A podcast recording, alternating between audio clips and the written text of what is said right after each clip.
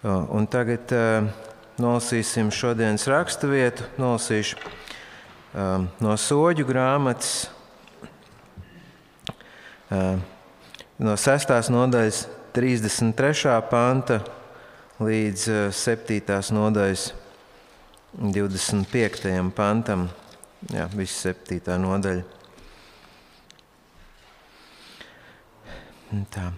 Visi midjānieši amālēkieši un austrumnieku dēli sapulcējās, nāca pāri un apmetās nometnē Izraēlas ielā.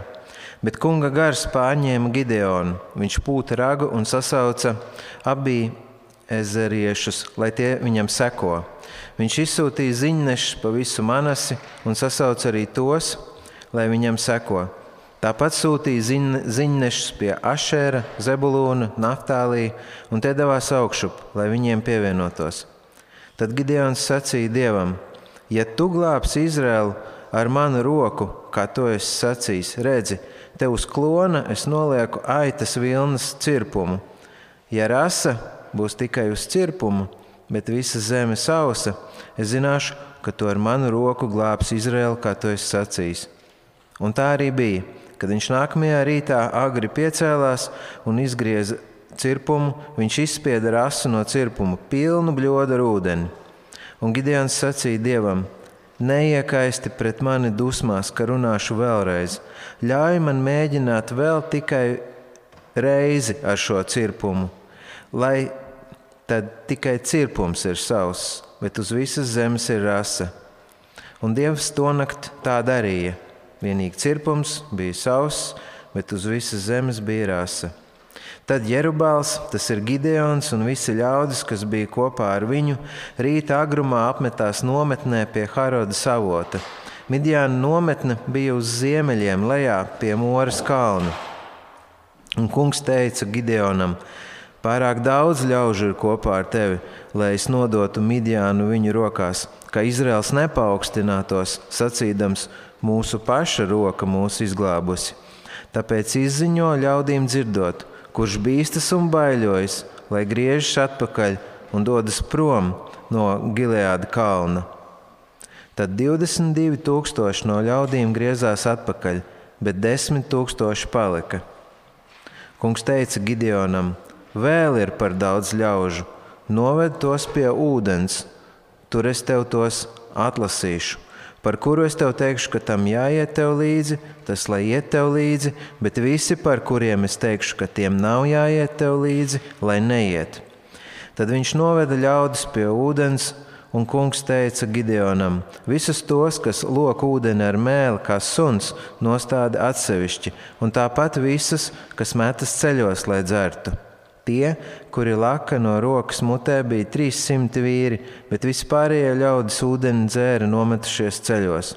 Tad kungs teica Gideonam: Ar šiem 300 vīriem, kuri laka, es jūs izglābšu un nodošu Midjānu jūsu rokā, bet pārējie ļaudis, lai dodas mājās.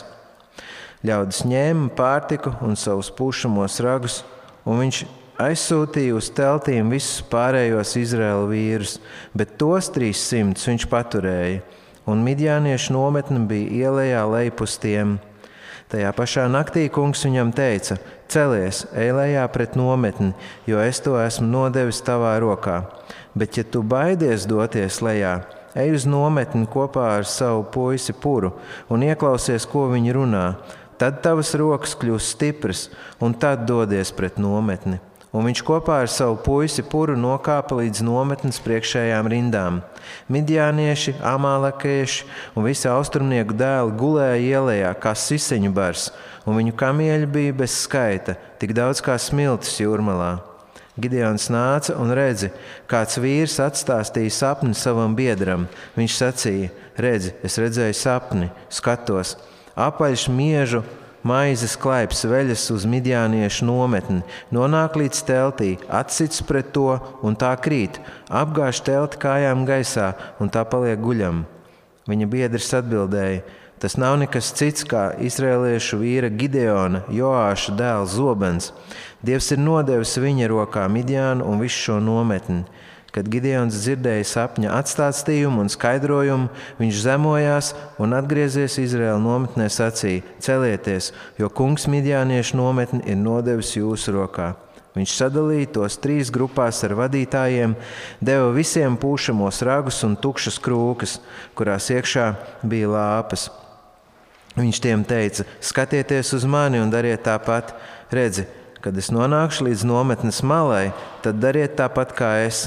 Kad es pūtīšu ragu, tad lai visi, kas kopā ar mani dara tāpat kā es, tad arī jūs pūtiet ragus visapkārt nometnē un sauciet kungam un Gideonam.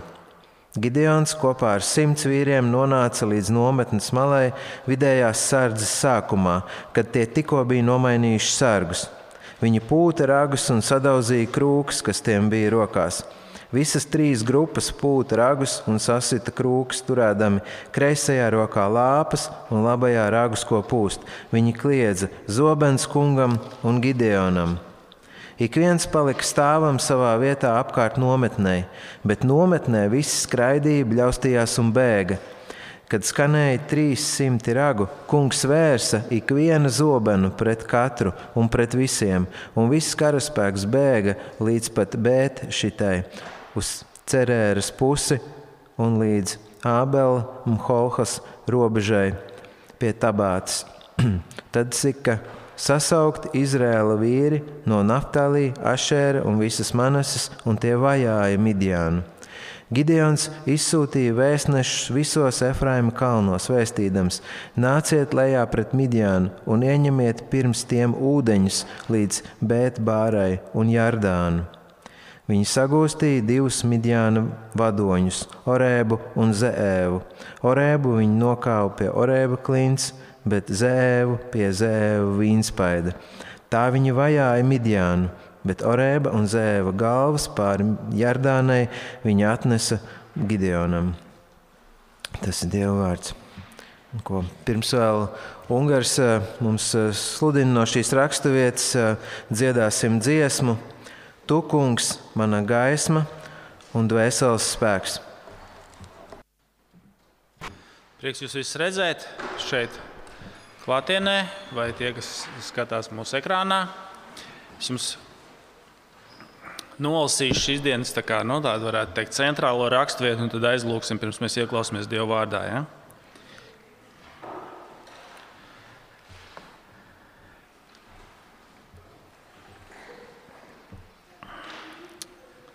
Tas ir no 7. nodaļas 2. panta.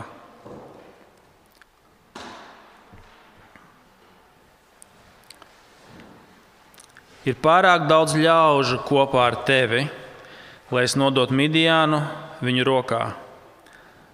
Ka Izraels nepaukstinātos sacīdams, mūsu pašu roka ir mūsu izglābusi. Lūksim, Dieva Tēvs! Tiešām tava glābšana nāk caur mūsu nespēku, tava darbošanās mūsu dzīvēm nāks ar to, ka mēs esam vāji, palīdz mums to pieņemt. Tas tiek tik pretēji, pretēji mūsu instinktiem un lūdzam pārliecināt mūs ar savu vārdu, pieņemt glābšanu, kas nāk caur mūsu nespēku, kas nāk caur glābēju, kas pasaules acīs ir muļķīgs un vājš, un palīdz mums tiešām savā nespējā ļaut tev darboties, spērt ticībā soļus, lai tavs spēks varens var mūsu dzīvē parādīties. Lūdzam to Jēzus vārdā. Āmen. Āmen. Nu, ko mēs turpinām dievkalpojumu sēriju par soļu grāmatu. Un mēs, eh, mums šodien ir otrā daļa Gideonas, tā, eh, stāstā. Un šis pāns, ko es jums tikko nolasīju, ir varbūt tā tāds ēnkurs, kas mums pasaka, kā Dievs darbosies. Dievs vienmēr darbosies uh, caur mūsu nespēku. Es šo nosaukumu, kas šīs dienas mm, tēma ir mazo skaitļu dievs, es aizņēmies no uh, doktora Ilmāra Hirša, kurš pirms kādiem 30 gadiem dzirdēja viņas prediķi. Es pat neatceros, vai tā bija vienkārši kaut kāda viena doma tieši par šo raksturvietu, vai tas bija sprediķis. Nu, es neatceros. Bet es atceros šo te, man liekas, definīciju mazo skaitļu dievs. Ka pasaule saka, lai uzvarētu kādu spēku, mums jānāk ar vēl lielāku spēku. Bet kā Dievs glābi savu tautu? Viņš ir mazo skaitļu Dievs, kuram nevajag lielu cilvēcisku varu, vēl, vēl pretēji, vēl otrādāk. Viņš izglābi vājus cilvēkus, tos, kas atzīst, ka viņi ir nespēcīgi, un viņš to izdara caur pasaules acīs vāju un nespēcīgu glābēju. Okay?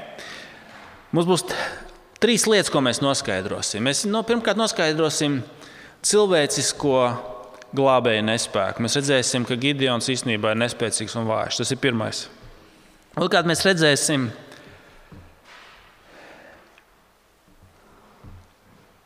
ka Dieva glābējs nāk ar cilvēcisku nespēku. Un treškārt, mēs paskatīsimies, nu, kas tad ir tie ticības soļi. Mēs centīsimies saslēgt ar to mūsu pieredzi, kā Kā mēs varam spērt šos ticības uh, soļus, kā Dievs, Dieva glābšana un Dievs darbojas, kā Viņš var darboties pie mums? Okay?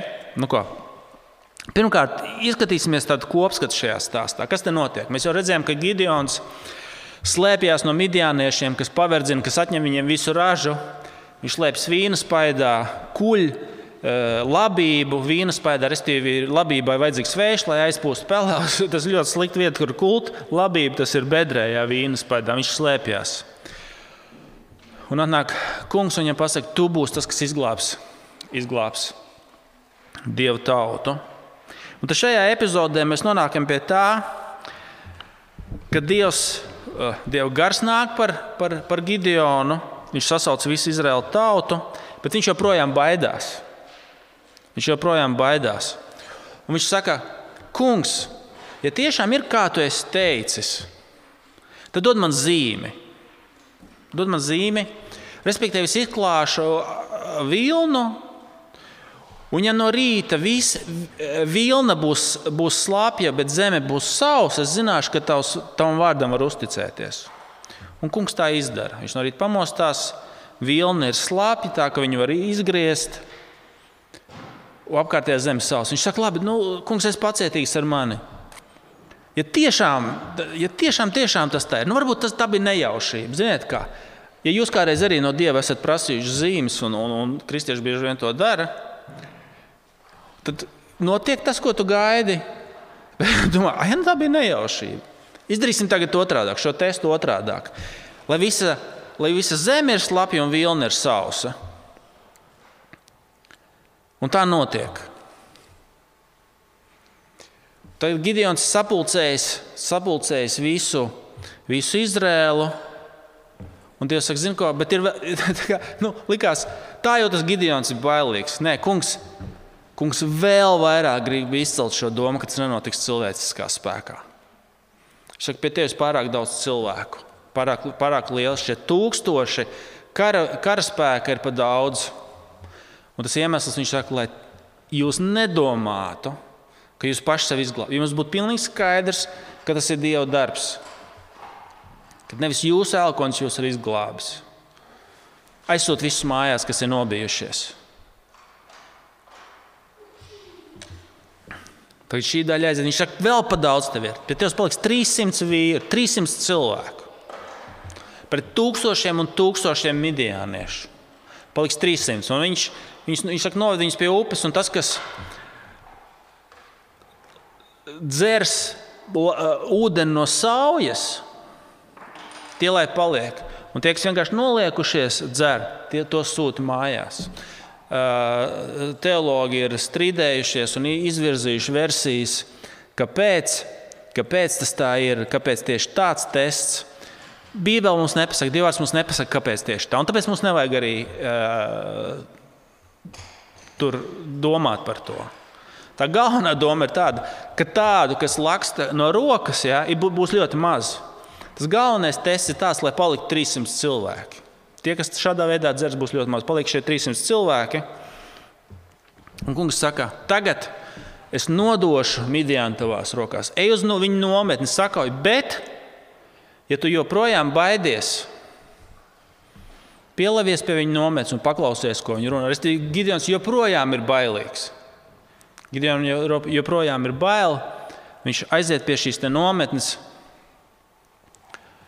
Un viņš dzird, ka šie midienieši runā. Viņš saka, es redzēju, kā, kā maizes klēps ripoja uz mūsu nometni un to iz, iznīcināja. Un tas, note, tas, tas, tas, tas, un tas viņa draugs saka, tas nevar būt nekas cits, kā tas ir Gideons. Tad Gideons nāk nāk ar, ar, ar šiem 300 vīriem, iedod viņiem komandas. Jūs esat dzirdējuši par šīm lāpām, kas ir apslēptas, apslēptas eh, māla traukos. Un tad, kad viņi uz, uzsāk pušu tauri, saplēš šos traukus, uh, un te, viņš saka, un tad sauciet par, par kungu un par Gideonu. Un kas notiek? Viņiem pat pirkstiņu nepakustinot. Kungs vērš midijāniešu zobenu vienu pret otru, tā ka viņi paši viens otru sāk apkaut. Un beidzās ar to, ka Izraels vajā, vadēja vajā midjāniešus. Viņus pilnīgi sakauja. Un kur tas notiek? Ar ko tas noslēdzās? 25. pantā. Viņi sakāva zēvu, 25. pantā, 3. teikums, bet zēvu pie zēvu vīna spaida. Gideons stāsts sākās pie vīna spaida, kur viņš bailēs kūla, kūla labību un noslēdzās ar, ar midjāniešu sakāvu pie vīnas paēdi. Es gribēju, lai mēs tādu kopskatu šim stāstam dabūjam. Ko tas nozīmē? Mēs pirmkārt, pirm, pirmais, ko mēs šeit redzam, ir Gideona bailes un neticība. Tā ir pirmā lieta. Un pirmais punkts, šis ir, šis ir tas brīdis, kur, kur, bērni, kur bērniem ir jādzird, ka pirmais punkts un viņu, viņu teikt, pieskatītājiem ir Pirmais punkts, ko tas nozīmē? Cilvēcisko glābēju nepietiekamība. Gideons pats par sevi ir slikts glābējs, viņam viņš ir ļoti bailīgs. Ievērojot, ar ko sāk šis stāsts, kad, kad Gideons uzstāda šo pārbaudi ar, ar, ar vilnu. Kādi ir šie vārdi? Ieskatieties! 36. pāns. Ja tu glābsi Izraēlu ar manu roku, kā tu esi sacījis. Svarīgā daļa šeit ir, kā tu esi sacījis. Gideonam vajadzēja pietikt ar Dievu vārdu. Dievs ir sacījis, ka viņš izglābs Izraēlu tautu. Bet Gideons netic. Viņam vajadzētu pietikt ar Dievu, ar Dievu vārdu, bet viņš saka, es tomēr gribu vēl kādu zīmi. Gideons ir bailīgs, viņa ticība ir vāja. Un, un, un tas pārsteidzošais tajā ir, ka kungs ir pacietīgs ar Gideonu, ar viņu vājo ticību. Un, ta, un šis pretēji tam, kā dažreiz kristieši domā, ka šī ir pamācība, kā pārbaudīt Dievu, tieši pretēji. Šī pārbauda ar to vilnu izceļ gide, problēmas ar Gideonu, ar viņu neticību, ar viņu vājumu. Gideonam vajadzēja pietikt ar to, ko Dievs ir teicis. Otrakārt, Kunga gars ir nācis pa viņu, bet viņš un, un, un Gideons eh, ir saņēmis šo apstiprinājumu ar, ar šo vilnu, un joprojām viņš ir vājš un netic. Un Dievs viņam saka, labi, ja tu joprojām baidies, aizej pie nometnes un paklausies, ko viņi runā. Ja? Un, respektīvi, Gideonam nepietiek ar Dievu vārdu. Bet tā kā viņš dzird, ka, pa, ko pagāni runā, mājiņtici, ziniet, kā jums arī nav nekāda vecmāmiņa vai, vai kāds Es redzēju sapni, nu, sliktas, sliktas lietas būs sliktas zīmes. Es redzēju tur čūsku vai to, un tā ir tāda zīme. Un tas, ko pagāns šeit dzird, nevis pagāns atvainojos, ko Gideons šeit dzird, ir pagānu mājiņticīgu sapņu skaidrojums. Un tas viņu pārliecina. Tas der. Ja? Dieva vārds nebija pietiekami labs.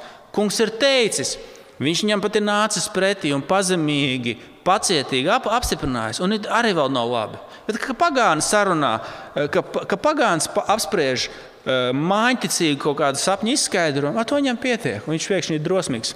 Respektīvi, šis viss būtībā mums izceļ Gideona trūkumus un kā glābēja nepietiekamību. Un pats, pats pašas beigas ir vispār tāda eh, saucās ķirsītas uz, torti, uz tortes, kur tad, kad jau viņi tagad ir gatavi šim uzbrukumam, Ievērojot, ko Gideons saka un ko viņi kliedz. Sauciet Zobens kungam un Gideonam. Tik tuvu Gideon bija. Gan drīz jau bija labi. Kāpēc tev bija tā pēdējā lieta jāpasaka? Kāpēc nevarēja būt Zobens kungam? kungam un Gideonam. Nu, kāpēc? Nu, tik tuvu Gideonam jau bija, bija, bija jau labi. Nē, tā bija jāpasaka. Tas, kāpēc tas bija jāpasaka? Nē. Ko tas mums pasaka? Tas mums izceļ cilvēcisko glābēju nepietiekamību. Lai arī kā un kad mēs skatīsimies uz cilvēkiem, kas mūs glābs, šajā pasaulē vai personiski, viņi vienmēr būs nepietiekami. Man nav nekur tālu jāmeklē, vienkārši atcer, atceroties pēdējo dienu ziņu virsrakstus. Es, es, es domāju, ka daudzi ir dzirdējuši ja, par valdības krīzi Lielbritānijā, kur tad, kad visā, visā, visā valstī bija lockdown, kur cilvēki nevarēja apmeklēt savus mirstošos radiniekus slimnīcā. Lielbritānijas valdība rīkoja Ziemassvētku ballītes. Ja? Mēs no cilvēkiem sakot, tie, no kuriem mēs gaidām, ka viņi būs mūsu glābēji ja, šajā, šajā valstī, šajā pasaulē, viņi vienmēr mums liks vilties. Un pirms mēs sākam mest ķirbuļus uz vieniem, es jums gribu nomierināt. Nākamie arī tev liks vilties. Un pirms mēs ķirbuļus metam pa viņiem vēl, es gribu pateikt, vai tad neesam, mēs neesam tieši tādi paši? Mēs no citiem prasām, bet paši nevaram izpildīt. Cik no tām prasībām, ko tu uzstādi citiem, tu pats neizpildi? Man, manā personīgā dzīvē viss izteiktāk, visvairāk to var redzēt braucot ar mašīnu. Man ir ļoti, ļoti augstas prasības, kā citiem tas ir jādara. Ja? Kur viņi drīkst braukt, un kā viņi drīkst braukt, un ko viņi nedrīkst darīt. Bet nākamajā brīdī saskars, ka tas īstenībā man ir labi attaisnojumi, man ir labi iemesli darīt tieši to, ko viņi tikko ir darījuši. Ja? Ko es gribu teikt? Cilvēciskie glābēji vienmēr mums liks cilties, un būs nepietiekami. Un tāds ir arī Gideons. Gideons mums nav šeit dots kā piemērs, ko at, at, um, atdarināt. Viņš dieva spēkā glābi dievu tautu, bet kā pats viņš ir vairāk līdzīgs mums nekā kungam. Viņš dara dieva darbus dieva spēkā.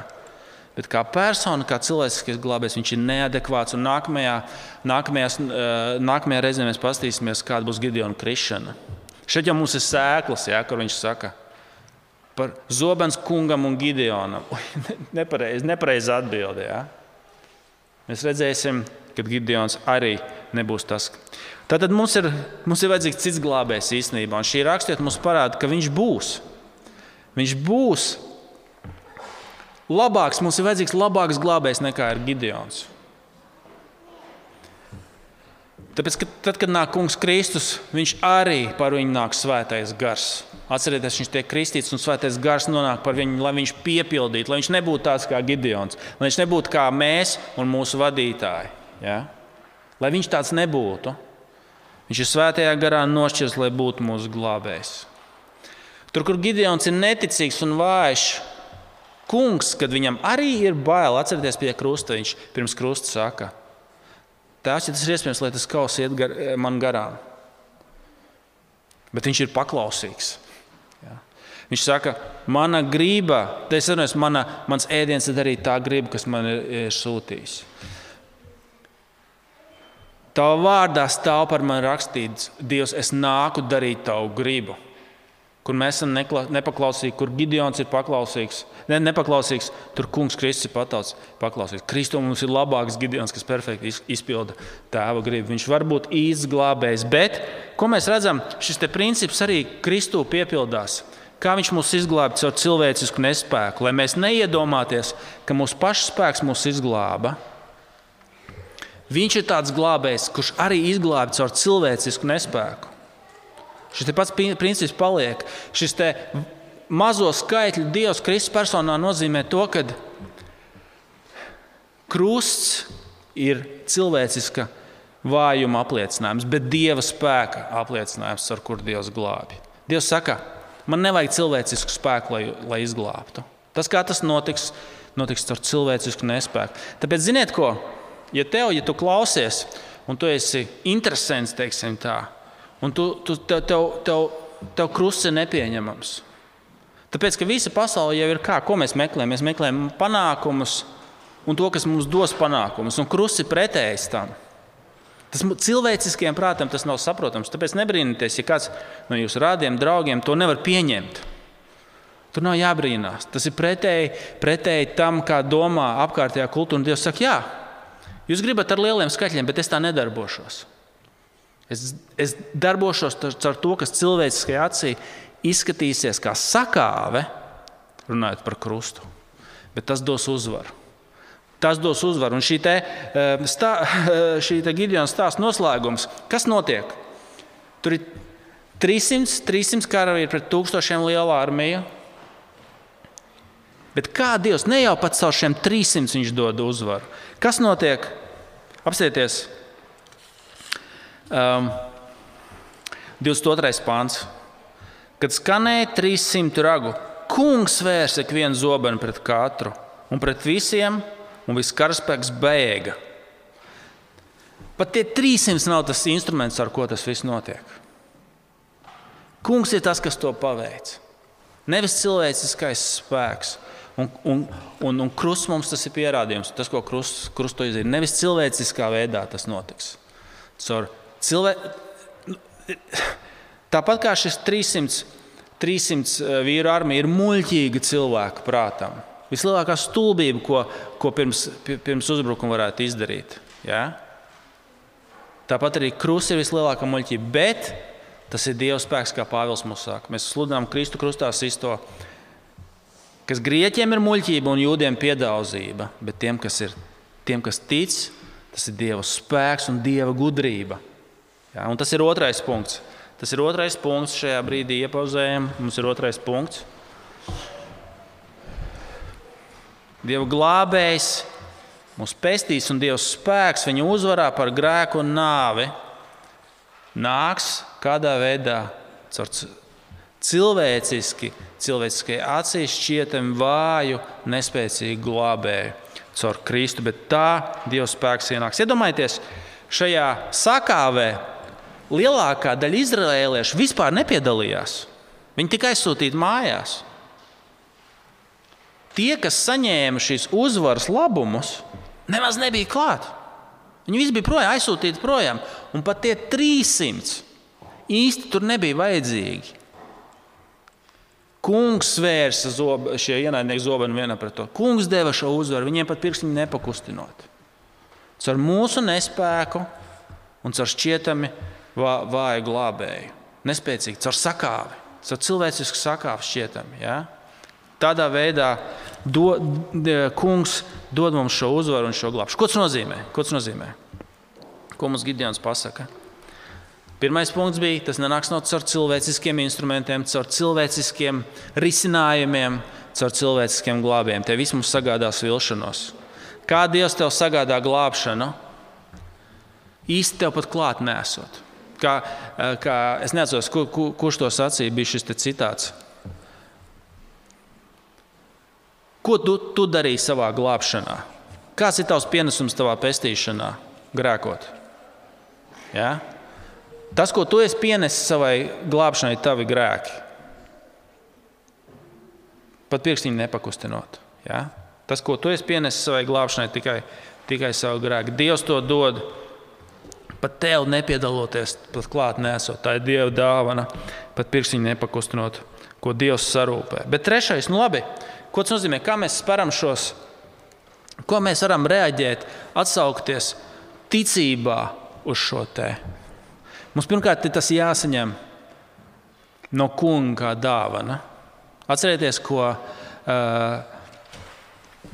Mārta kungam Kristum pārmet un saka, klausies, tā man māsa neko nedara. Viņa sēž pie tām kājām un klausās. Tu nevari viņai kaut ko pateikt. Viņš saka, stop, stop, stop. Viņa ir izvēlējusies to lietu, kas viņai netiks atņemta. Ar ko mēs sākam, ar ko mēs iesākam savu ticības dzīvi, kā kristieši, bet ar ko mēs iesākam, mums jāiesaka katrs savs darbs, katrs sava diena, katrs savu nedēļu, ka mēs sēžam pie Kristus kājām un klausamies Viņa vārdā. Saņemam no Viņa vispār. Un tad, kad mēs atsaucamies Viņam, ticībā uz Viņa glābšanu, saņemot Viņa vārdu, tikai tad, kad mēs to esam dzirdējuši, ka mēs to esam saņēmuši, tikai tad mēs varam atsaukties ticībā un paklausībā. Ar to, ar to viss sākās. Kaut kādā ziņā nekad dzīvē tu netiksi tālāk par to. Tas ir tā, kā tu kļuvi ticīgs, bet arī savā ikdienā. Tad no sākuma būs jāsaņem viņa pārpilnīgā, bagātīgā glābšana, ko viņš tev dod. Viņa žēlstība ir jauna katru rītu, kur ir vairojies grēks, vēl vairāk ir vairojusies žēlstība. Ja? Jūs saprotat, tas ir, tas, tas ir pirmkārt, kas mums jādara, kā mēs atsaucamies ticībā. Šis ir trešais punkts, mēs jau esam pārgājuši pie trešā punkta. Kā mēs atsaucamies ticībā uz šo glābšanu, ko kungs mums pats sarūpē, mums pat pirkstiņu nesa, ne, nepakustinot. Punkts numur trīs. Kādā veidā mēs to, to atsaucamies? Pirmkārt, sežot pie Kristus kājām un klausoties. Un tikai tad, kad mēs to esam saņēmuši, mēs varam atsaukties viņam ticībā un paklausībā. Jā, tā ir pirmā lieta. Otrakārt, interesantā lieta par Gideonu, ka viņš, ir, viņš jau nav pilnībā neticīgs. Viņš ir bailīgs, viņa ticība ir vāja. Viņš, saru, viņš visu kaut ko izdara nepareizi, bet viņš atrodas, viņš īstenībā viņš tos ticības soļus spērtam kungam. Jūs saprotat? Viņš, viņš ierodās. Viņš, viņš ir nobijies, bet viņš ierodās. Viņš ir gatavs paklausīt visās savās bailēs un savā nespējā.